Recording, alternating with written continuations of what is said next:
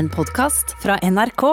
Iselin Guttormsen er influenser, blogger, sexolog og reality-kjendis. Og ikke minst så lager hun en av Norges mest eh, populære podkaster med sin G-punktet, hvor hun snakker med kjente folk om sex på en måte som eh, både provoserer og engasjerer. Hun har også en tydelig og kritisk stemme hva angår porno, og mener seksualundervisningen bør starte allerede i barnehagen. Drivkraft med Ruben Gran i NRK P2. Iselin Guttormsen, velkommen. Takk! Hvordan har du det? Du, jeg har det veldig fint. Nå stråler jo sola ute, og det er litt varme i lufta, så nå kjenner jeg at jeg er vårer. Ja. Har du hatt sex i dag? eh, nei, eh, intimitet og kjærlighet og nærhet, men ikke sex. Nei. Eh, hvordan er din typiske morgen? Eh, min typiske morgen er at klokka ringer en halvtime tidligere enn nødvendig. Eh, og så er det inn i armkroken på min kjære, eh, som er veldig flink til å kile på ryggen og i hodebunnen og sånne ting. Og da ligger vi en halvtime og bare er nære og koser og stryker. Og så kommer barna inn i senga, og så starter dagen, da. Det høres ut som veldig ålreit og fornuftig slumring Ja, ja, å bli kost med. ja, det er veldig hyggelig. For de som ikke har hørt eh, G-punktet, altså podkasten din, hva slags podkast er det? Eh, G-punktet er en podkast eh, hvor jeg tar opp temaer om kropp og seksualitet, samliv, kjærlighet, seksuell legning og flaue temaer, viktige temaer. Eh, ja, men eh, med da kjente fjes da, i Norge. Ja, For du har én gjest hver gang. Ja. Mm. Hva, hva fikk deg til å starte den? Eh, Jeg har alltid drømt om å lage en podkast. Jeg visste bare ikke helt hvordan. Hvem skal jeg kontakte? Hvor skal jeg handle utstyr? Hvordan spiller man inn? Hvordan skal man få den ut? Og jeg har alltid visst at jeg vil prate om temaer som omhandler eh, kvinnekroppen spesielt, da, siden jeg er kvinne selv, og hva jeg har kjent på eh, opp gjennom eh, ungdomstiden og som ung voksen. Eh, så jeg og søstrene mine snakket faktisk ofte om at vi må starte en podkast, vi må starte en podkast, men vi visste ikke helt i hvilke ende vi skulle starte. Men eh, så ble det G-punktet, da. Mm -hmm. Det har jo vært en stor suksess. Starta opp i 2019, stemmer. Eh, Det ligger stadig i toppsjiktet blant Norges mest populære podkaster. Hvorfor tror du at den fenger? Jeg tror nok G-punktet fenger fordi det er så åpne dialoger om kropp og sex, da.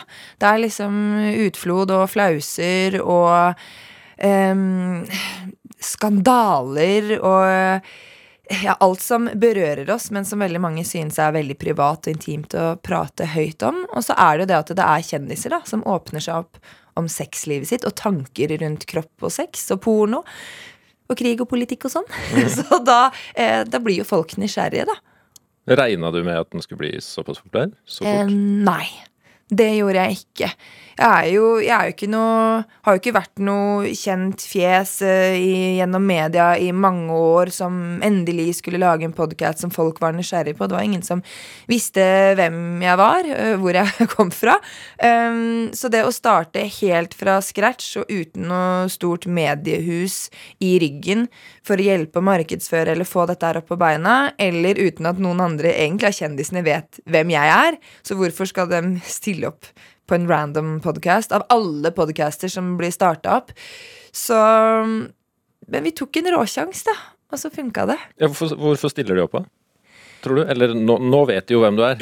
Ja, nå vet folk eh, hvem jeg er, så tror jeg folk kanskje har fått en litt mer dypere forståelse for hvorfor jeg har denne podcasten, og hva jeg vil eh, fram med, og at det ikke finnes noe fasit på de temaene vi prater om, noe rett eller galt, bare at vi skal dele erfaringer. Og jeg tror også folk ser hvor mye det gir og hjelper andre, da. Som ikke har en stemme, eller som ikke tør å bruke stemmen sin. Så det er vel en, ja, en viktig, et viktig punkt for veldig mange, tror jeg. Ja, hva, hva er det du vil få fram med den? Jeg vil jo få frem at alle de tingene man tenker at man kanskje er alene om å føle og tenke, og tanker og følelser man sitter på, at man er ikke den eneste. Eh, og det er vel egentlig ingenting som er flaut, selv om, selv om ting er ubehagelig å prate om.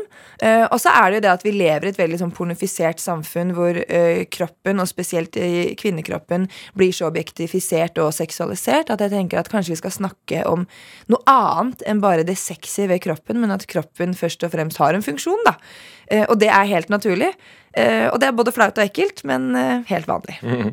Hva, hva slags reaksjoner har du fått? Eh, For det meste bare positive reaksjoner, men det er klart at veldig mange reagerer jo med litt avsky. Eh, mange syns jo kanskje at hva er det man ikke gjør lenger for å få oppmerksomhet? Eh, mange tror det er at jeg er PR-kåt, at kjendiser er PR-kåte. Og, og, det er jo ingen hemmelighet, jeg er jo en kommersiell podkast. Altså for at jeg skal få muligheten til å sitte og gjøre det jeg gjør og brenne for, så må jeg tjene penger på det, og det har jeg fått muligheten til med fantastiske samarbeidspartnere. Og så er det en fin kanal for kjendiser også, da. Og, og å være i mediebildet hvis de har noe aktuelt de skal være med på, f.eks. osv. Så, videre. så det er en vinn-vinn-situasjon for eh, alle parter, egentlig. Så, så, det er mer konseptet enn innholdet som provoserer folk? Eller? Um, ja, og det, og det, varierer litt, fordi at ingen episoder er jo like. Og, og, det er jo ingen mennesker der ute som kan kjenne seg igjen i alle episodene. Men kanskje én av alle de 60 episodene jeg har lagd, så vil det være noe som bare åh, det treffer meg. Og så er det mange andre som ikke treffer, og så kan folk tenke er dette her virkelig nødvendig å prate om, da? Er dette her så interessant? Men det vil alltid være en eller annen der ute som vil kjenne seg igjen i et av de temaene vi prater om. Eh, og da føler jeg at vi bidrar til noe viktig, da. For jeg tar meg sjøl i, når jeg hører på, uh, at tenker innimellom Men må man snakke om alt? ja. Ja, må man det? Ja, hva, hva, er det du tenker på, da? At, uh, Nei, jeg vet sånn ikke. Jeg, for all del. Jeg er godt voksen og muligens uh, prega av det. da At jeg er ja. konservativ eller noe. Ja, nei, jeg tror nok um, ja, Altså, man behøver ikke å prate om absolutt alt, og jeg har, tro det eller ei, sperrer jeg også. Um, men så tror jeg at hvis man skal snakke veldig klinisk om kropp og seksualitet og, og kjærlighet, så hører folk det, men man kjenner seg kanskje ikke så igjen. Så det å da snakke et veldig ærlig språk Altså, man kan snakke om sekret fra skjeden, eh, og at det kan være mm, At det kan være flaut å prate om, det kan være en lukt som er sjenerende osv., men så kan man altså si at det er utflod, det er kliss og klass, det er klumper, det er litt gørr, det er litt greier, noen ganger er det brunt, og så er det restefest fra mensen og så ting og tang, og vaske, tørker du ikke ordentlig rumpa etter at du har dusja, så vil det lukte litt rumpesaft, litt, og det syns folk er litt gøy å høre på, eh, og så er det litt drøyt. Og så kjenner alle seg litt igjen. Er det noen gjester som har eh, imponert eller overraska deg mer enn andre? Du, eh, vet du hva, alle gjestene mine Det er kanskje litt sånn kjedelig svar, men alle gjestene mine imponerer meg. For veldig mange er sånn For én ting er å prate om sex, men én ting er å prate om eget sexliv og egne erfaringer osv. Og, så og de fleste er litt sånn Ja, vi kan godt snakke om det, men vi går ikke så mye inn på det. Vil jeg helst ikke prate så mye om. Og så begynner vi å prate, og så bare. Så bare renner det over, rett og slett. Og så deler de mye mer enn de selv hadde tenkt. Og så kjenner de at hæ, det var jo ikke så farlig. Og så får de jo masse positive tilbakemeldinger fra følgere og mennesker rundt omkring, og da kjenner de at ok, dette var faktisk viktig, og det var verdt det. Ja, Så det er ingen som har trukket seg etter innspilling? Absolutt ikke. Nei. Ingen har noen gang trukket seg, og det er veldig få ganger vi har måttet klippe bort store seanser osv. Så, videre. så det uh, Jeg er veldig stolt av gjestene mine. Mm -hmm. Men føler du sjøl at du Deler du for mye noen gang? Um, jeg har nok aldri tenkt at ah, shit, det skulle jeg vel aldri ha sagt. Jeg angrer ikke på, på, ting jeg gjør, men jeg kan forstå at folk kanskje tenker at oi, er dette er nødvendig å dele? Jeg kan forstå at folk reagerer. Um, men så lenge folk reagerer med avsky og skam og flause rundt temaene jeg tar opp, så tenker jeg at ja, men da er det jo bare enda et bevis da, på at vi må prate mer om det. Mm. Du har jo snakka med veldig mange forskjellige folk. Mm. Uh, Sofie Elise, Mia Gundersen, Wasim Saeed, Fabian Stang. Hvordan velger du gjestene dine? Um, det er jo jeg sammen med min innholdsprodusent som ser på spennende gjester, så prøver vi å ha et mangfold, da. Og finne gjester som treffer alle slags forskjellige menneskegrupper der ute. Så det er unge, det er eldre, det er forskjellig legning, forskjellig seksualitet, single, parforhold, uh, alderdom, um, hudfarge, etnisitet. Uh, ja, altså alt mellom himmel og jord for å ja, for å nå ut til alle sammen der ute, og for å vise et mangfold, da, at uh, vi alle sammen er like mye verdt. Mm -hmm. mm. Lærer du noe av gjestene dine? Masse! Jeg lærer masse hver eneste dag, eh, og det er vel det som er det mest givende. Eh, og Derfor er det så viktig å få fram at eh, verken jeg eller gjestene mine sitter på noen fasiter, med mindre det faktisk finnes et konkret svar og en konkret fasit. Vi er bare mennesker som deler egne erfaringer og følelser og tanker. Og så er det noen som er uenige, og noen som ikke er det. Lytterne dine kan jo sende inn spørsmål. Ja. Hva, hva, er det, hva, er det, vanligst at folk spør om? Um, og det varierer veldig fra fra hvilken gjest jeg har. Um, og veldig ofte så merker jeg at uh, lytterne kan så mye mer ting om gjestene jeg skal enn det jeg selv visste. Så der kommer det veldig mye sånn dirty details ja, eh, som jeg ikke hadde tenkt å stille i det hele tatt. Så lytterne mine hjelper meg veldig til å skape litt juicy innhold. da eh, Og det syns jeg er gøy. Og da, til min store overraskelse, så svarer lytterne på det også. Nei, eh, gjestene mine på det også. Eh, og da er det ekstra, ekstra stas.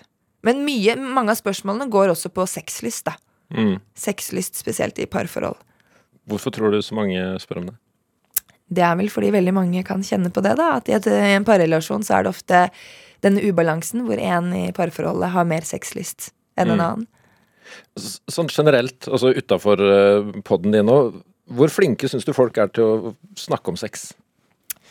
Um, jeg tror vi begynner å bli mye flinkere nå. Det er mer aksept for å prate om det. Men inntrykket jeg har av spesielt alle kvinner jeg prater med Jeg prater også med masse fantastiske menn, men det er primært eh, kvinner, unge jenter og voksne. Um, forteller, de, de forteller at de synes det er vanskelig å prate om ting, for de blir ofte sett på som masete eller negete eller sutrete eller gnålete eller uh, sjalue eller så uh, Eller uh, feministiske rødstrømper. Og så, så lenge man snakker om denne seksualiserende, objektifiserende fremstillingen av kvinnekropp. Um, så jeg tror veldig mange setter pris på at det er noen der ute som er en stemme da, for de som ikke blir hørt. Mange syns jo, uansett alder og kultur, egentlig, at, at sex er litt flaut å snakke om. Eller ikke bare litt, mange syns det er kjempeflaut. Hva, hvorfor det, tror du? Det er jo veldig privat, da, og det er intimt. Det er noe som skjer på, på soverommet bak eh, lukkede dører. Eller på kjøkkenet, for den sakens skyld. Eller hvor som helst ellers. Men det er veldig privat og intimt, og det er nakenhet. Eh, og så tror jeg vi er så vant med å få eh, kropp og sex eh, slengt i fleisen, både via populærkultur og altså, sosiale medier, reklamer og ikke minst porno og filmer osv. Og, så og der er jo kropp og sex Det er veldig eh, delikat. Det er veldig deilig, det er veldig fint. Det er veldig, altså, alt er så sexy hele tiden. Eh, men med en gang sex blir noe annet enn sexy, det blir eh, ja, to kropper som er ekte, rett og slett, så syns folk at det er veldig flaut og ekkelt noen ganger. Så er det liksom naturligheten som er det flaue. Ja, jeg tror for mange så er det det. Mm. Når, eh, når blir du flau? Det er uh, veldig sjeldent. Det må kanskje være hvis jeg hadde prompa her i studio nå, helt utkontrollert. Ja. Da hadde jeg kanskje blitt Ja, litt flau. hadde det blitt flau hvis jeg hadde gjort det? Nei. Nei. Nei. Nei. Og det er det verste jeg vet. Hvis, hvis noen andre gjør noen ting som man blir flau over, og så skal, eh, skal jeg forkleine situasjonen med å være helt stille. Da er det bare 'kom igjen, fyr løs, ta en til' når du først er i gang. Tøm tarmen. Så jeg hater kleine situasjoner hvor folk bare blir helt stille og ikke vet hva de skal si. Så da bryter jeg hele tausheten. Herregud, vi er jo bare mennesker. og da ble det stille. Og jeg bare skulle teste deg litt. Men hva Det er et stort eh, spørsmål. Hva handler sex om for deg? Å, det er et veldig stort uh, spørsmål, for uh, sex er jo så mye mer enn uh, bare denne penetreringen som kanskje veldig mange ser på som at det er. Um, sex handler også om sensualitet. Sex handler om intimitet og kjærlighet. Det handler om respekt og forståelse og grensesetting, både overfor seg selv og overfor andre. Um, så når folk spør meg hva en sexolog jobber med, hva er det en sexolog gjør Noen har til og med trodd at en sexolog sitter og ser på par ha sex og veileder dem. Sånn opp med hofta der, litt inn der, så har du det perfekte støtet. Eh, det er jo ikke det vi gjør. Vi jobber altså med hele mennesket fordi at seksualiteten vår er så kompleks. Så vi er alle sammen født med en seksualitet, og den utvikler seg på lik linje som empatien gjennom hele livet. Så det er jo klart at det må vi jo prate om. Mm. Eh, Du snakker også ofte om kjærlighetsspråk. Ja, Hva er det? Ja, det er jo vi har jo, altså Man snakker om disse fem kjærlighetsspråkene, da. Eh, og det er veldig interessant. Eh, skal jeg se om jeg husker alle sammen her nå. Eh, det ene er jo tid. At man setter av eh, tid til hverandre. Eh, det ene er fysisk nærhet, enten om det bare er intimitet, men også for veldig mange også sex. Um, og så er det tjenester. At man gjør ting, at man tar oppvasken, man leverer i barnehagen, hele den biten der. Um, og så er det ord. Eh, at, man, at man viser kjærlighet ved å gi hverandre gode ord. Og så er det gaver. Og så Én ting er jo hvilke kjærlighetsspråk um, en selv setter pris på at partner prater. Jeg setter uh, pris på ord og anerkjennende ord. Eh, som at jeg syns du er en flink mamma, jeg er så glad for at du er den du er, og hele den biten der. Um, og så er tid viktig for meg også, at partneren min setter av tid eh, til meg. Eh, mens partneren min sitt eh, kjærlighetsspråk, når han føler seg elsket, det er jo intimitet, nærhet og sex. Eh, og da hjelper det ikke at han snakker det kjærlighetsspråket til meg, når jeg snakker eller setter pris på et annet kjærlighetsspråk. Og det er der ofte denne eh, miskommunikasjonen skjer i parforhold. Da, at man ofte snakker sitt eget kjærlighetsspråk, men ikke er klar over partners. Og da når man ikke kan hverandres språk, så er det veldig vanskelig å snakke sammen. Stillhet.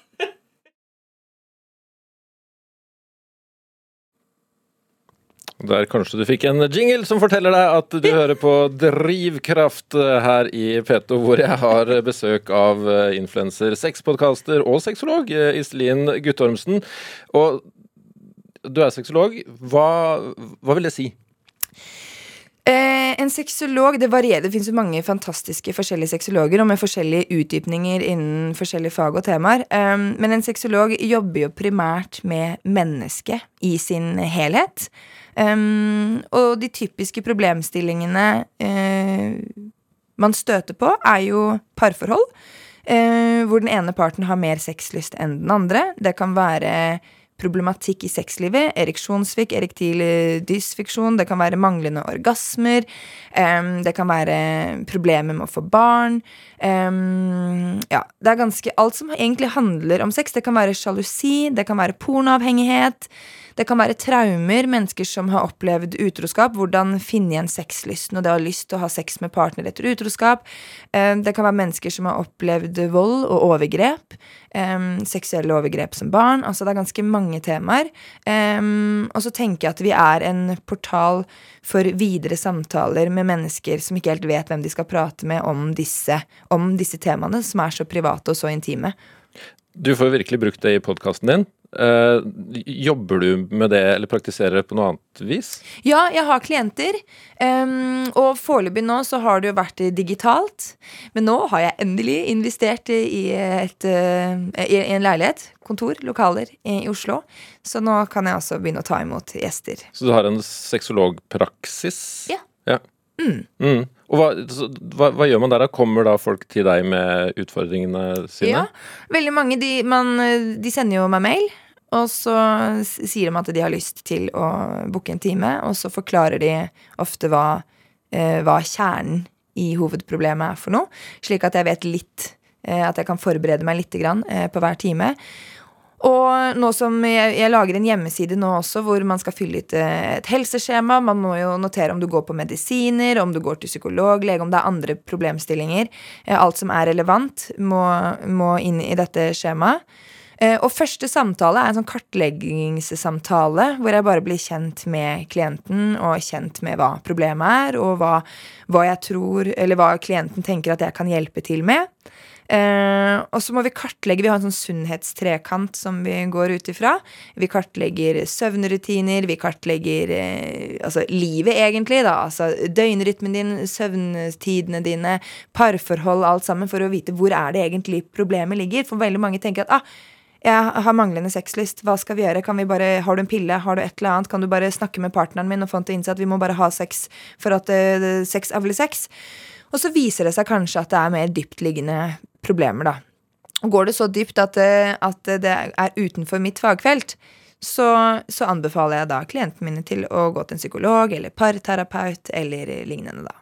Ja, fordi hvis, hvis det f.eks. dreier seg om noe medisinsk, da, mm. Da, da, Det kan ikke du Det er utenfor mitt fagfelt. Ja? Eh, så da, men så finnes det jo sexologer også som har medisinsk bakgrunn, og som har helsefaglig bakgrunn. Og sexolog er ikke noe beskytta tittel, så du kan også kalle deg sexolog, akkurat som journalister osv. Men, eh, men jeg har tatt den utdannelsen jeg har tatt i Danmark.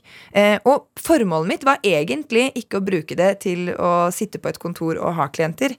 Det var for å kunne bruke den kunnskapen jeg lærte, og, og spre det i mine kanaler. Og gjennom podkast via eh, Instagram-kontoen min, bloggen min osv. Eh, men så har det vist seg at veldig mange vil prate med meg, og da tenkte jeg at da må jeg jo hjelpe de litt ekstra.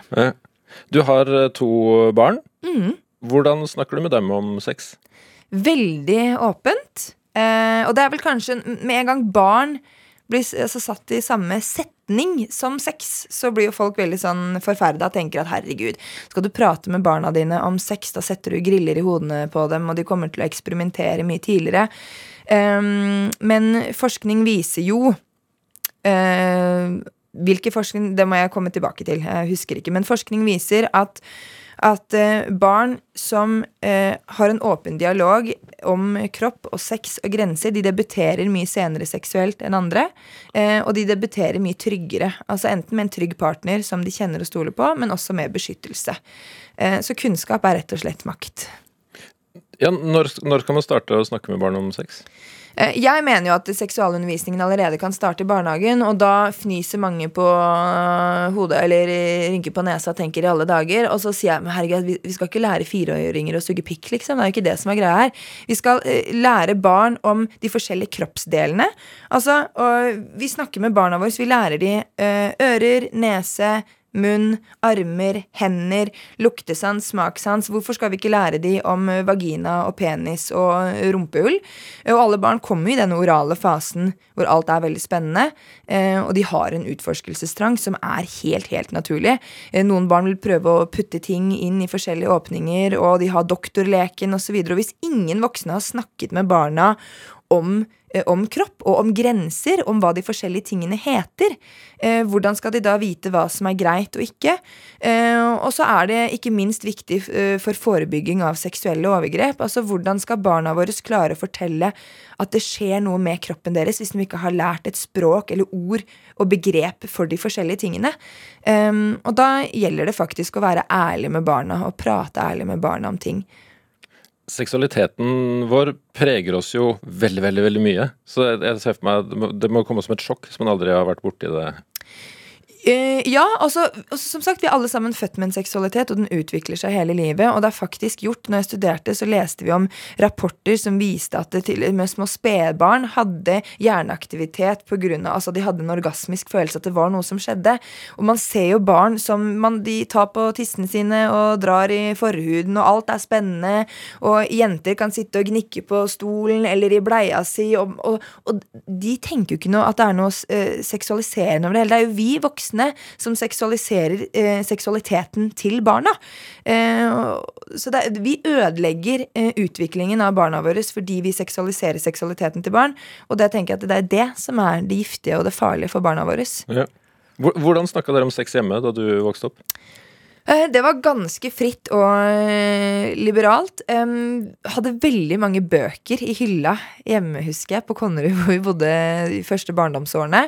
Em, og mamma og pappa snakk, Det var ikke sånn at vi satt rundt som, eh, rundt middagsbordet som barn, som tre-fireåringer, og mamma og pappa snakket om sex og penis og vagina og, og sædceller og Men vi hadde veldig naturlig forhold til kropp. Vi så mamma og pappa ofte naken hit og dit, eh, og vi løp nakne rundt på sommeren og bada i vannsprederen, og ingenting var flaut. Naboungene kom nakne over, alle lekte. Eh, så det var ganske fritt, så vi fikk et veldig naturlig forhold til kropp. Um, og så skjønte vi jo det at mamma og pappa må jo ha sexa veldig mye, for det var fem barn. Så vi skjønte at det var noe som, eh, som foregikk. Og så husker jeg vi ble veldig sjokkerte når vi skjønte at mamma og pappa sexa uh, uten å lage barn også. For det er noen gjenganger at veldig mange barn tenker at «Å, men sex er noe voksne har uh, for å lage barn. Men sex er jo mer enn det. det er jo, sex er fantastisk, sex er nytelse. Og det er ikke noe farlig for barn å vite. Hva slags bøker var det du Åh, det var eh, Jeg husker det var én bok. Den het 'Afrikanske skjønnheter'. Um, vet ikke hvordan den ville blitt mottatt i dagens samfunn, men jeg syns den var veldig fin da. Det var en fotobok, en kunstbok, av uh, forskjellige afrikanske kvinner fra forskjellige land. eh, I forskjellige fasonger, hudfarger, hudtoner og nakne kropper i all sin prakt, og fra forskjellige kulturer. Um, jeg husker bare, jeg syns de damene de var så fine. Og noen av bildene med hengepuppene som bare hang nedi. Og jeg tenkte herregud er, Og så hadde de hvite sandkorn fra sanden. var noen bilder ute i ørkenen. Den ene hadde close-up av ansiktet. Og de fine øynene og, og håret hennes og leppene hennes. Og så disse hvite sandkornene som bare var så kontrast i ansiktet. Og jeg tenkte bare herregud, altså. Uh, det, var, det, var så, det, var, så, fine damer, det var så fine bilder. Og så var det mange bøker uh, om Kamasutra. Og der var det jo Der var det jo ikke sant, indiske prinser med en vagina på alle totelittene. ikke sant, Og masse eh, tantrisk sex. Og, eh, det var, og vi syns det var, da lo vi masse, vi syntes det var veldig spennende. Og der var det jo illustrert peniser og vaginaer ganske, ganske direkte, da. Eh, så det syntes vi var veldig spennende. Mm, og så var det én bok, husker jeg. Den må jeg fortelle om. Det var en bok som eh, Det var om eh, Det var bilder av ekte mennesker, og det var en sexbok. Men da husker jeg også at det var beskrevet eh, hvordan menn oppfatter kvinnen, og hva mannehjernen da tenker at er det mest sexy ved en kvinne. Eh, og når jeg tenker tilbake på det, tenker jeg at det, det var jo som en, en, læring for å forklare hvordan menneskehjernen fungerer. Men jeg husker at det bildet var bildet av en kvinne som var helt symmetrisk likt i ansiktet. Så hadde hun røde lepper, for det indikerte Altså menn da tenkte på at dette her minnet om oppsvulmede, kåte kjønnslepper. Så røde lepper var fint. Og så var hun selvfølgelig blå, eh, blåøyd og blondt hår. Og det tror jeg faktisk eh, Det var en informasjon som jeg kanskje tok med meg litt for mye videre i livet. Ja, Mener du det? Ja, jeg tenkte for at det var liksom det gutta likte. da eh, Slanke, fine damer med store lepper eh, og blå øyne og blondt hår. Jeg håper ikke den boka trykkes fortsatt. Nei, det håper ikke jeg heller. Jeg tror nok det var ment som en sånn eh, lærdom til hvor rare vi mennesker er, men som barn, når jeg plukka opp det, så var nok det en sånn ah, ja, det er det gutta liker. Ok. Mm. Men når begynte du aktivt å snakke om seksualitet? Hvordan starta dette sexeventyret? jeg har vel egentlig alltid prata åpent uh, om sex, men så var det vel kanskje ikke før etter at jeg fikk barn. Og det var jo ikke så seint heller. Jeg var ganske ung når jeg ble gravid. Jeg var 24 år, så jeg var 25 når jeg fikk mitt første barn. Og da fikk jeg et helt annet syn på kroppen min. Jeg fikk et helt annet syn på sex, eh, på kjærlighet, på parforhold, respekt. Altså, det, var en hel sånn omveltning. Um, og da tenkte jeg at er det bare jeg som sitter med disse tankene, som føler disse følelsene, og som har det tøft nå i etterkant av en eh, fødsel, og hvordan kroppen har forandret seg, og ja, problemer i parforhold osv. Og, så og da fikk jeg en sånn nei. Så da begynte jeg å skrive om det. Og det var vel i 2014. Sånn to år etter fødsel. Ja, og da, da du sier skrive, det var bloggen din. Mm. Mm. Men ja, hvorfor ville du skrive om det? Nei, jeg tenkte jo at, uh, at uh, hver gang jeg satt på vors med jenter, og jeg pratet om tankene mine og følelsene mine og hva jeg opplevde, og så demonstrerte og ut på gulvet så var litt sånn så fikk jeg så mye oppmerksomhet, og folk bare 'Herregud, det er akkurat sånn det er!' Det er sånn det er! Å, fader, nå skal jeg hjem til Nå skal jeg hjem og prate med samboeren min. Nå har du liksom satt ord på det jeg føler, men som jeg ikke har klart å få samboeren min til å forstå. Og så fikk jeg ofte melding 'Du, hva var det du sa for noe? Kan du hjelpe meg?' For jeg, jeg, må bare jeg må, jeg må, ikke virke knotete når jeg nå skal fortelle kjæresten min dette her. Og så tenkte jeg ok, vet du hva, da, jeg, nå skriver jeg bare alt i, på bloggen min. Det blir som, på en måte som en dagbok. Og så skriver jeg det ned, og så de som finner trøst i det, de finner trøst i det. Og de som ikke gjør det, de Da finner du ikke trøst i det, da. Så det var egentlig sånn det starta litt, da. Ja, fordi da Du delte jo deg selv med Gud og hvermann, så å ja. si, idet man lager, skaper en blogg. Var det noe du tenkte over? Nei, fordi blogg den gang var jo mye større enn det det er nå. Og jeg anså meg ikke selv som noen blogger. Jeg tjente ikke noe penger på den. Jeg hadde full jobb og barn og og alt ved siden av. Så det var ikke noe jeg gjorde for å tjene penger, men jeg tenkte alltid herregud, tenk så deilig det må være å kunne tjene penger på å skrive. Den gang, da. Skrive om det man brenner for, da. Og det å kunne engasjere, og det å kunne være en stemme som jeg også sårt selv trengte når jeg både var 16 og 20 og 30 og 34, for den sakens skyld, som er i dag. Um, og, og, hjelpe jenter å bli litt mer sikre da, i egen kropp, og, og tørre å si ifra når de opplever urettferdig behandling. Etter hvert så har du jo blitt en, eh, en, offentlig person. Instagram har virkelig blitt din arena, og så har du vært på TV med Mammasjokket, bloggerne, 71 grader nord. Mm. Er du glad i oppmerksomhet da? Ja, det er jo ikke noe hemmelighet. Hvis ikke så kunne jeg ikke jobba med dette her. jeg, jeg, jeg, jeg, gjør meg ingenting eh, å få oppmerksomhet. Jeg tar ofte mye plass. Um, ler høyt, snakker høyt, skravler mye, skravler fort. Um, så, og så tenker jeg det at alle de tingene jeg har vært med på, er en ny arena hvor jeg kan spre noe av budskapet mitt. Og få kanskje folk til å reflektere litt annerledes. Og kanskje få litt flere nyanser og se ting fra en annen side. Så, og så er det jo utfordrende. Det er jo veldig nytt, mye av dette her. Um, og, og, det å gå fra en blogg og skrive og tenke at du, du har liksom de følgerne fra trygge, gode Drammen, til å plutselig vite at du har folk som følger deg fra hele Norge. Uh, og man glemmer nok litt hvor mange som faktisk lytter på podkasten, og hvor mange som faktisk ser det man legger ut, for man er egentlig en liten sånn boble. Men, men, var du sånn som du beskriver deg selv, var du sånn i tenåra? At du likte, likte, å ta rommet? Ja, jeg har alltid vært sånn. Og så tror jeg eh, mange er sånn Jeg vil høre hva du sier, Iselin, men er du, nødt til, liksom, er du nødt til å være så ekkel når du sier det? Liksom? Er du nødt til å være så brutalt ærlig i alt?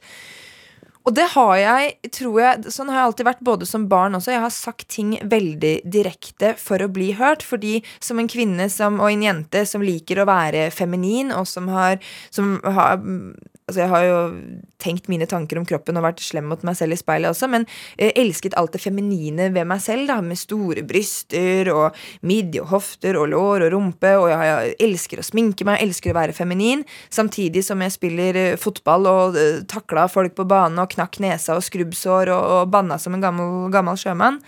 Um, så følte jeg ofte at jeg ikke ble tatt så seriøst, da.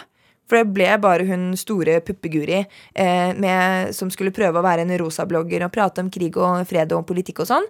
Eh, så jeg tenkte bare faen, skal, skal eh, hvem jeg er og hvordan jeg ser ut og hva jeg liker å gjøre og hvordan jeg liker å kle meg og sminke meg, stå i veien for, for meningene mine? Og jeg ble ofte kanskje litt sånn latterliggjort eller bagatellisert.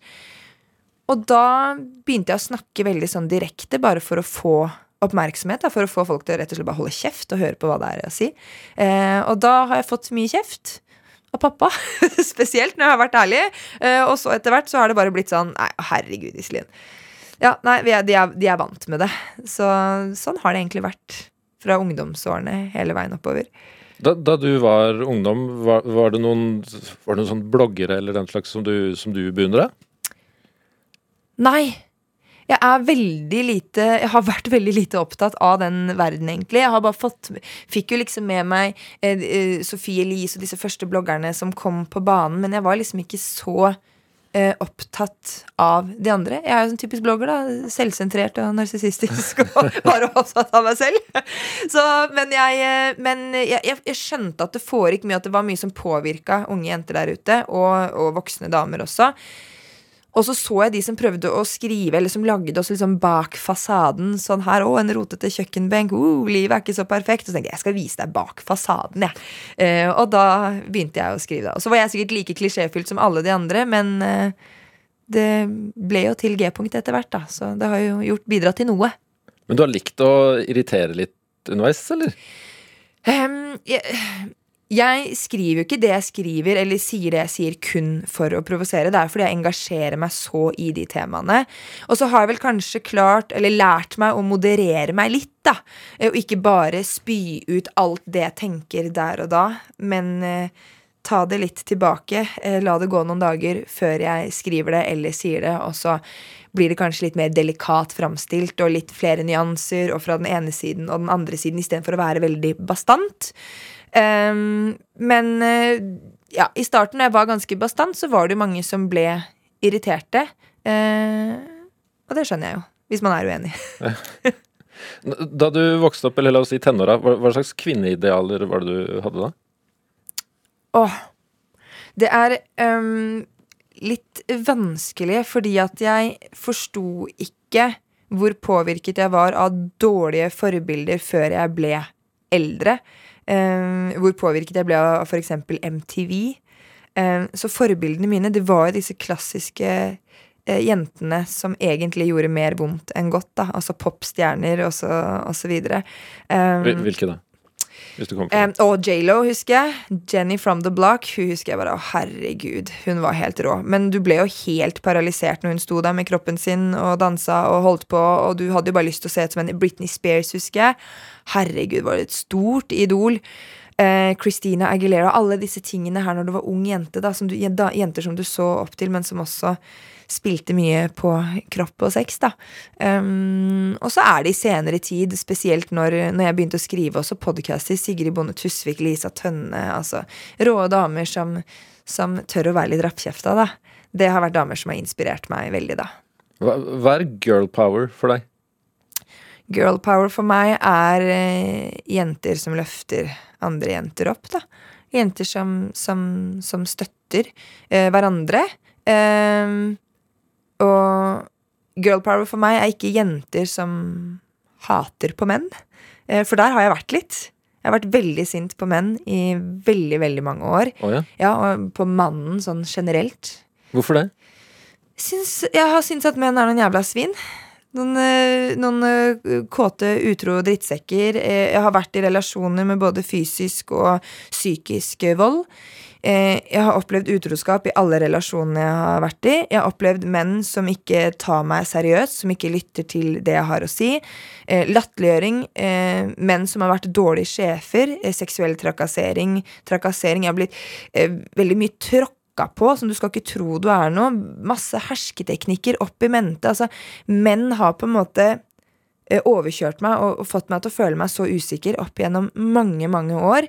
Um, kroppsspråk, himling med øynene, avbryting når man har prata, bagatellisering av ideer eller tanker du har. Altså alle disse tingene som gjør at du bare føler deg mindreverdig. Så jeg har vært ganske forbanna på menn i lang tid, og menn som unnskylder sin atferd fordi de bare er menn. Typ 'la menn være menn'. Den biten der. Em, em, ja, vold mot kvinner, og så blir man eldre, og så begynte jeg å studere, da. Så jeg gikk inn i studiene, sexologistudiene, eh, og hvor mange av forelesningene var ganske Altså, det kokte inni meg når man skulle prate om mannens seksualitet og mannens behov og begjær. Og når man sitter der selv og kjenner på så mye sinne og frustrasjon inni seg, så var det noen forelesninger hvor jeg bare måtte gråte og bare eh, gå ut av rommet, rett og slett. Eh, men det har bidratt til både utdanningen min eh, og alle bøkene jeg har lest i etterkant, har bidratt til at jeg har en mye mer forståelse for mannen som individ. Mye mer respekt for mannen. Og så har jeg blitt kjent med så mange fantastiske, herlige, nydelige menn. Og det er flere og flere menn som tar kontakt med meg og åpner seg opp om følelsene sine, om utroskap i parforholdet, eh, ting de sliter med, og jeg bare ser at det er så mye mer følelser knyttet til mannens seksualitet. Eh, Så mange, og like mange følelsesmessige behov som hos kvinnen, så jeg har fått en helt annen forståelse og respekt for mannen, da. Um, men ja. Jeg har, gått, jeg har gått fra å være veldig sint på mannen til å ha en mye bedre forståelse og respekt for dem. Men det høres jo Og det er jo kjempebra. Ja. Men det høres jo ut som en, noe av en kamp å da forakte mannen på den måten her, men samtidig være tiltrukket av menn, Ja. for eksempel. Ja. Det er jo Det er jo jeg, Og så har jeg det som er for, for hver kamp jeg har hatt, og jeg har kommet meg videre, så snakker jeg med kvinner som står i den samme kampen som jeg da kanskje hadde for et år siden eller to. Så man blir jo hele tiden påminnet at selv om jeg har kommet videre, så fins disse dårlige menneskene der ute. Eh, Og når man har så mange kvinnelige følgere, og du får så mange historier fra kvinner, så tenker man bare herregud, er det bare drittsekker der ute? Eh, så, så, så man får liksom Det, det koker litt over eh, titt og ofte hele tiden. Men jeg er blitt mye flinkere på å ikke la det gå utover han stakkars samboeren min, da. Som er nydelig på så mange måter. Så mm, det har vært eh, vanskelig å elske mannen sånn i sin helhet, når man også er så sint på han. Eh, Og når vi snakker om det, og du nevner samboeren din, du har jo delt veldig ærlig eh, om, at, om da han var utro. Mm. Hvorfor eh, valgte du å dele det? Det tror jeg også var i det var en, altså Når den utroskapen oppsto, så var jeg veldig aktiv på Snapchat. Det har jeg ikke lenger. Men da var det sånne mammakanaler som man kunne gjeste. Man pratet om livet og alt. Og alle disse temaene vi hittil har prata om, pratet vi også om på denne Snapchat-kanalen. Og det ble liksom det ble en sånn skikkelig girl power-gruppe. Jenter som bare ah, 'Fy fader, jenter, nå står vi sammen, og det er så bra at vi snakker om disse tingene og disse følelsene'. Og så opplevde jeg denne utroskapen, og så var det da til denne Snapchat-gruppa at jeg bare åh, tømte meg helt. Uh, og så i etterkant så fikk jeg så mye spørsmål rundt det, for den ligger jo der bare ute i 24 timer, og så forsvinner den. Um, og så fikk jeg så mange spørsmål, og så mange som altså, altså, helt hinsides mange som sto i akkurat det samme, eller som hadde opplevd det for en kort stund siden, som selv hadde vært utro, eller som hadde en partner som hadde vært utro. Og det var så mange spørsmål, og jeg tjente at vet du hva, her må jeg bare få alt ned på, på et skriv. Um, og det innlegget skrev jeg um, i, med samtykke av min samboer. Han leste gjennom det, og da modererer man seg også veldig. Altså det man sier direkte på en Snapchat-kanal der og da, eh, det blir jo på en måte fortalt på en annen måte. Så jeg syns det er et veldig fint innlegg. Um, og så er det på en merkelig måte raust av han at han tillot meg å skrive det. Jeg er fristet til å si det skulle bare mangle. Ja, og det er det jeg også har For det har vært sånn ah, Eh, stakkars han, du utleverer han og hele den biten der. Og det, jeg forstår eh, tankegangen, men Lisa Tønne sa det så fint i en podkast i Tusvik og Tønne at det, her er det et menneske som har skrevet din historie for deg. Uten at du har fått muligheten til å være med på å bestemme noen ting som helst. De har skrevet din historie. De har satt på deg en ryggsekk og bare løfta masse kilo med stein inn i den ryggsekken. Og så skal du gå og bære på denne ryggsekken og, og leve den historien som partneren din har skrevet for deg. Det er jævla urettferdig. Og så skal man tåle å bare gå med den ryggsekken på ryggen. Du skal bare gå og gå, og du skal ikke snakke med noen, du skal ikke si det til noen. Du skal bære på denne tunge byrden og dette store traumet helt alene, eh, fordi du må skåne han. Eh, og da fikk jeg den derre eh, Visse ting som kan holde innafor husets fire vegger. Og da sa jeg herregud, han klarte ikke engang å holde pikken inn i buksesmekken. liksom Altså, give me a fucking break Så var man litt sinna, da, ikke sant? og så ble man litt irritert. Eh, eh, så, men jeg skjønner at folk reagerer fordi det skjedde der og da. Og hadde jeg snakket om det nå, det var noe som skjedde for fem år siden, vi kom oss gjennom det, så tror jeg folk hadde akseptert det mye bedre og hatt mer forståelse for at vi prater om det i etterkant. Men i og med at det skjedde der og da, så tror jeg folk syntes det var veldig rart og veldig sårt. Og folk, syns, folk ble delt. Man syntes synd på meg, men så syntes man synd på han. Uh, og så forsto ikke jeg hvor mange som faktisk fikk det med seg. Det spredde seg jo overalt. Ikke? Mediene begynte å ringe osv. Um, og det ble artikler og ting og tang. Uh, og da ble det jo til at ah, fader, nå skal du bare nå skal du prøve å bli stor og kjent pga. denne utroskapen. Men det var absolutt ikke intensjonen min i det hele tatt. Og folk spør meg fortsatt når skal du slutte å prate om utroskap uh, og det du har opplevd. Og så jeg jeg kommer til å slutte å snakke om det når folk slutter å være utro. Og, og, når, det... og, når, jeg slutter å spørre om det, si. Ja, ja, ja rett og slett. men, men hvor, hvor, hvor, vanlig er utroskap? Ah, det er så vanlig. Nå har ikke jeg sjekka de siste statistikkene på det, men, eh, eh så jeg skal ikke uttale meg prosentvis osv. Men det er så mange som er utro, og som opplever utroskap. Og så tror jeg mørketallene er veldig mange, nettopp fordi at man skal jo ikke prate om det. Um, Eh, ja, Og så er det jo forskjellige variasjoner av utroskap òg, da. Så det som du og jeg kanskje oppfatter som utroskap, vil et annet par ikke anses som utroskap. Så det er jo mange gråsoner også. Dere har jo stabla det forholdet på beina igjen. Mm. Hva, hva, skal til? Hvordan kommer man seg gjennom eh, å få bygd opp tillit igjen? Kommer seg forbi eh, raseri, sjalusi? Åh, jeg vet ikke om det er noen gang at det er noen ting altså Det kommer aldri til å bli glemt. Det er på en måte en del av historien, og det er konsekvensen når du velger å være utro. Så har du skrevet en historie som er der, uavhengig om man velger å fortsette det forholdet eller ikke. Og det som er urettferdig, det er jo det at eh, om man da velger å gå fra hverandre pga. et utroskap, så vil jo den utro Ja, det vil være vondt å kjenne på fader at jeg såret et annet menneske på den måten, men man vil gå videre og man vil ta lærdom av det og tenke at dette her skal jeg ikke gjøre igjen, kanskje. Med min neste partner så or jeg orker ikke dette, dette, her igjen. Mens den som er blitt bedratt, bærer med veldig mye bagasje inn i eventuelt en ny relasjon. Den som bli, har blitt bedratt, sliter med et stort traume. Den som har blitt bedratt, kommer til å være mer sjalu, eh, mer skeptisk til å inngå i relasjoner med andre, og når man inngår en relasjon så vil man kanskje slite med tillit. Man vil få en vondere magefølelse når partner sitter på telefon og Altså, man er på en måte scarred for life, da, rett og slett. Um, men det viktigste man må finne ut av, er jo om man ønsker å fortsette denne relasjonen. Hvis parten som har vært utro, sier at dette her, jeg er ikke interessert i å fortsette dette her, det er, en, det er en grunn til at jeg også har vært utro, jeg føler at forholdet vårt dabber av, så er det ikke noe vits å fortsette, sa parterapeuten til oss veldig tydelig. Um, men hvis begge to har lyst til å prøve å få det til å fungere, uh, så er det i hvert fall håp. Og så vet man jo ikke hvordan det kommer til å gå. For oss så hjalp det veldig med parterapeut. Det var så deilig å ha et annet menneske som så på partneren min og sa at det, det er du som har gjort noe galt. Du, du kan forklare hvordan du har havnet i den situasjonen. Du unnskylder ingenting, men nå må du betale bota di. Og det må du, Hvis du har lyst til å fortsette dette forholdet, her, så må du betale den bota. Og den, den er seig.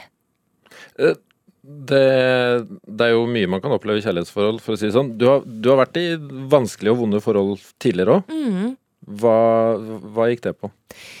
Jeg var i et forhold før jeg møtte min nåværende samboer. Um, uh, hvor det var mye fysisk uh, Eller først psykisk vold. Um, og etter hvert også psykisk. Så det var ganske heavy. Uh, og det vanskelige med det er jo at uh, det er så vanskelig å forklare hva man står i, og så vanskelig å innse hva man egentlig blir utsatt for. Fordi man blir jo hele tiden fortalt at grunnen til at partner oppfører seg sånn som man gjør, er fordi du oppfører deg sånn som du gjør. Um, så man tror jo hele tiden at det er ens egen feil. Um, og så er det veldig rart at den psykiske volden ikke blir tatt så på alvor, for det er veldig vanskelig å se. Uh, og veldig ofte så er det bare ord mot ord. Um, så det var liksom ikke før det ordentlige første basketaket og de første slagene kom, at man bare Shit. Nå skjer det noe. Men så holder man det hemmelig, da. Um, og så fortsatte vi relasjonen. Um, men til slutt så var det bare sånn liten filleting. Som at han ikke ville hjelpe meg å henge opp en gardinstang i det nye huset vi hadde kjøpt. da. Og da kjente jeg bare dette gidder jeg ikke. Og han satt jo som et spørsmålstegn. da. Hæ? Skal du, skal du gjøre det slutt på grunn av en gardinstang? Så han skjønte jo tydeligvis eh, ingenting. Um, men det var, det var uh, ganske heftig. Det var um, um, det, det, var ganske heftig. Fader, ass. Det er lenge siden jeg har prata om det. Ja.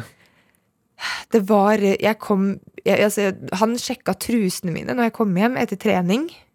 Um, og ble da sur fordi du har utflod i trusa etter at du har trent. Du har svetta. Mente at det var sad sæd. Uh, fra en annen. Um, han jobbet i militæret, så han tok veldig ofte basketak på meg. Uh, sånn arrestasjonsteknikker osv. Så som han skulle vise. Så det var liksom bak med armen, slenge gulvet, kneet opp i ryggen. Um, tok gjenstandene mine, tingene mine. Han truet med å tenne på veskene mine. Han stilte meg ofte spørsmål hver gang jeg kom hjem. Hvor har du vært? Hva har du gjort? Um, og testet, også, testet meg for å se om jeg fortalte sannheten. Så han kunne komme med ting som at ja, så du har prata med han i dag? Uh, og hvis jeg hadde pratet med vedkommende, så ble jeg sånn Ok, hva skal jeg si nå? Det er jo bare, er jo bare en kollega. Det er jo bare en venn. Altså, så hvis jeg sa at ja, det har jeg, så fikk jeg bare skyllebøtte. Og hvis jeg sa nei, det har jeg ikke, så visste jeg ikke om han visste det eller ikke. For hvordan kan han vite at jeg har pratet med en? Og han det, det, var et, det, var et, det var et lite helvete i tre år, men så blir man jo fordi at når det er fint, så er det veldig fint. Og så unnskylder man alt det vonde med det fine, da. Ja, fordi du, du gjorde jo slutt, kom ja. deg ut av det. Mange mm. blir jo i ekstremt destruktive og, og livsfarlige forhold. Mm. Hva, hva, er grunnen til det? Jeg tror det er uh, Man blir så uh, nedbrutt. Man føler seg så liten, og så har man kanskje ikke fortalt det til så mange andre, eller til noen andre. Så hvor er det du skal få hjelp hen? Uh, og den andre part får deg jo til å føle deg veldig avhengig av hen. Og det kan jo både være kvinner og menn. Um, så hvem er du uten meg? Så man sitter og tenker så, så, Og når et menneske er så stygge mot deg på så mange måter, og de da viser at de vil ha deg, og at de holder rundt deg og sier at 'jeg skal passe på deg', 'lover jeg skal aldri gjøre det igjen', osv., så, videre, så vil man så inderlig at det skal være sant, og så er det så trygt. Så man tenker at ok, da blir jeg i det trygge, fordi det andre virker så mye mer skummelt. Det virker så mye mer skummelt å skulle dra fra en person og la det mennesket som herjer så mye med deg, være forbanna på deg. da. Så man blir rett og slett redd. Så man, det er tryggere å være i det forholdet, kanskje, som skremmer deg aller mest, fordi alternativet virker kanskje enda mer skummelt. Hva tror du skal til for å bryte ut av et sånt forhold? Eh, det er å snakke med noen om det, da. Man må snakke om det. Uh, og ting som for andre kanskje virker uh, virker smålig eller 'herregud, nå overdriver du, nå er du drama queen', og så snakker du med rette mennesker og med fagfolk så vil du høre at dette her er ikke helt Dette her er ikke bra. De kjenner igjen tegnene. Um, og snakk med noen du er trygge på. Og det var det som hjalp meg. Det var at jeg fortalte det til alle. Altså til arbeidsplassen min og til familien min. Hva som faktisk foregikk. Og alle snudde på flisa for å få meg ut av det forholdet. Og hjelpe meg også økonomisk og alt sammen for at jeg skulle komme meg ut. Du hører Drivkraft i NRK P2. Ja visst gjør du det, og her har jeg besøk av eh, Iselin Guttormsen, som eh, Vi har stort sett snakka om eh, sex og seksualitet og samliv Ja. i dag. Ja, og det er det du liker? Det er det jeg liker! Ja, det er det, det, er det du gjør i, i podkasten din, som Ja. også heter, heter G-punktet. Eh, da du vokste opp, så var det jo ikke så særlig sosiale medier som, som det er nå om dagen. Eh, skulle du ønske at det var eh, Instagram og TikTok da du vokste opp? Jeg er så glad for at det ikke fantes sosiale medier når jeg var yngre. Og mm, jeg syns veldig synd på, på kommende generasjon og, og barna mine også. Det finnes masse fint med sosiale medier og internettet i sin helhet. Altså masse lærdom og kunnskap og informasjon er så lett tilgjengelig. Eh, men så er det også ekstremt giftig, og ikke minst eh, avhengighetsskapende. Um, og barna våre blir påvirka i aller, aller største grad. Og TikTok kjenner jeg at det så mange foreldre tenker, tror jeg, at det er en sånn hyggelig barneaktivitet for kidsa. Det, det, altså, det er så mye dritt inne på TikTok.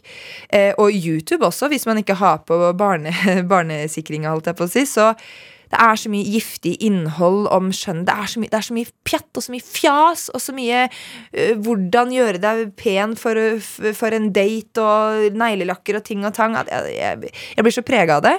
Um, og ikke minst eh, pornoen, som er så lett tilgjengelig overalt. Og du trenger ikke å oppsøke pornosider for å for å bli eksponert for porno. Altså Mykpornoen florerer på, på både TikTok og, og, YouTube og Instagram og sosiale medier. Twitter er jo en av de største pornosidene egentlig nå i verden, for det eksponeres og kan lastes opp så mye porno der. Um, og enkle Google-treff. Altså Datteren min kom hjem og viste meg at hun hadde lært av noen eldre barn hvordan man kunne google XXX på Google, og så trykket hun på bilder. Og de eh, bildene som dukka opp der, det er så forbanna forstyrrende. Og det ser barna våre. Um, og Norge topper jo alle statistikker i hele Europa når det kommer til bruk av porno blant barna våre.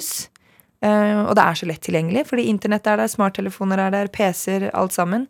Um, så jeg er veldig Jeg, er, jeg syns synd på den yngre generasjonen. Du bruker jo Instagram eh, flittig sjøl. Mm. Hva, hva er det du ønsker å bruke, bruke den til? Nei, altså det er et veldig fint spørsmål, for mange sier jo at herregud, Iselin, du snakker om nakenhet og kropp, og at eh, damer eh, altså Det er så mye seksualiserende innhold og sånn, men du viser jo kroppen din i, i altså både høyt og lavt. Um, og det gjør jeg. Og så lenge det kommer til å være objektifiserende og seksualiserende uh, bilder av kvinnekroppen hvor enn du snur deg hen uh, på sosiale medier, så kommer jeg til å vise åreknuten og cellulitten og hengepuppene og hem ja, Kanskje ikke hemoroidene mine, de, de kan jeg skåndre for, men, men så kommer jeg til å vise kroppen min sånn som den er.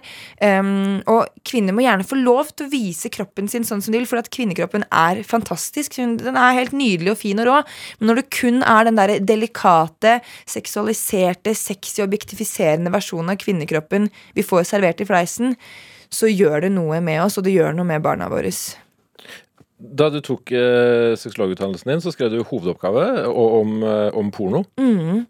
Jeg hører jo at du er engasjert. Hvor, hvor, hvorfor gjorde du det? Um, jeg valgte å skrive om pornoen negative eh, påvirkningskraft. Eh, for det finnes mange fine sider ved porno også, men jeg valgte å fokusere på den negative påvirkningskraften fordi at jeg merka eh, i voksen alder hvor mye pornoen har påvirket meg. Mye mer enn det jeg var klar over. På hvilken måte da? Um, på hvordan jeg har vært et seksuelt vesen som ung kvinne og som ung voksen kvinne. Hvordan jeg har gjort ting med andre gutter eh, seksuelt eh, kun for å please de, fordi eh, jeg trodde at det var forventet av meg som kvinne, at jeg skulle gjøre disse tingene. Eh, og de forventet det av meg som kvinne. Eh, og, sier ikke, og da, jeg sier ikke at gutta det er noen svin som forventer det, for de også er jo bare et resultat av dette pornofiserte samfunnet vi lever i. Um, og hvordan det har påvirket selvfølelsen min. eh, selvtilliten min, hvordan det har påvirka parforholdet mitt. Um, og seksualiteten min, respekten for egen kropp og nytelse. Jeg har gjort så mye eh, rare ting jeg aldri ville gjort i dag, kun for å please og, og oppfylle disse forventningene til en partner, da, enten det var en fast partner eller random one night stand. Um, og hvor lett det var å bli dømt hvis du som også jente var glad i sex. Eh, altså Jeg har vært så posør i senga. Jeg har vært så opptatt av hvordan jeg ser ut, hvordan jeg høres ut, hvordan jeg stønner, hvordan jeg skal stå. Posering. Alt mulig har jeg tenkt på. Og har ikke et eneste sekund eh, bare vært her og nå i sexen og bare nyte det som har skjedd. Og da tenker jeg faen, ja. Thank you, porn. det er eh, rett og slett det. Og så ser vi også når man ser da hvordan holdningene man har, selv i moderne 2021, holdninger vi har til kvinner i samfunnet, også i Norge, eh, hvordan eh, disse patriarkalske, strukturelle holdningene også på en måte får blomstre gjennom pornoen. da. Eh, eh kvinnevold, undertrykkelse, eh, ord som blir brukt under pornografien, som er eh, degraderende seksuelle overgrep, overgrep mot barn. Eh, og det er så mange forskjellige ting rundt porno eh, som er blitt negativt. Eh, er, altså, den ene tingen er jo hvordan bransjen er. Den kyniske bransjen tjener penger på, på, på sårbare kvinner. Eh, en annen ting er hvordan bransjen holder på. Altså det er human trafficking. Hvordan de legitimerer dårlige holdninger. Kvinnevold, seksuelle overgrep, incest eh, osv. Og, så og så er det hvordan porno påvirker oss mennesker som individ. Altså hva skjer i hjernen vår? Hva skjer med empatien vår? Hvordan, hva skjer med seksualiteten vår? Hva skjer med samfunnet vårt, som er så påvirket av porno? Og så er det hvordan det påvirker eh, parforholdet. Og der må vi sette punktum. Iselin Guttormsen, tusen takk for besøket. Takk for at jeg fikk komme. Og du kan selvfølgelig høre flere drivkraftsamtaler i NRK-appen eller i din podkast-app. Send oss gjerne en e-post til drivkraftkrølla fra nrk.no, og se gjerne de flotte gjestene våre på, hos NRK Drivkraft på Instagram. Produsent har vært Julia Martincic, og jeg har fått masse god hjelp av Siv Wammer. Jeg har vært Ruben Gran. Ha det. Du store alpakka! Før så samla vi oss for å høre på radioen. Nå lytter vi på hva vi vil, når vi vil, og mest for oss sjøl. Vi lytter for å fylle ventetid, bli underholdt, oppdatert og litt klokere. Vi lytter for å la oss bevege av sterke historier.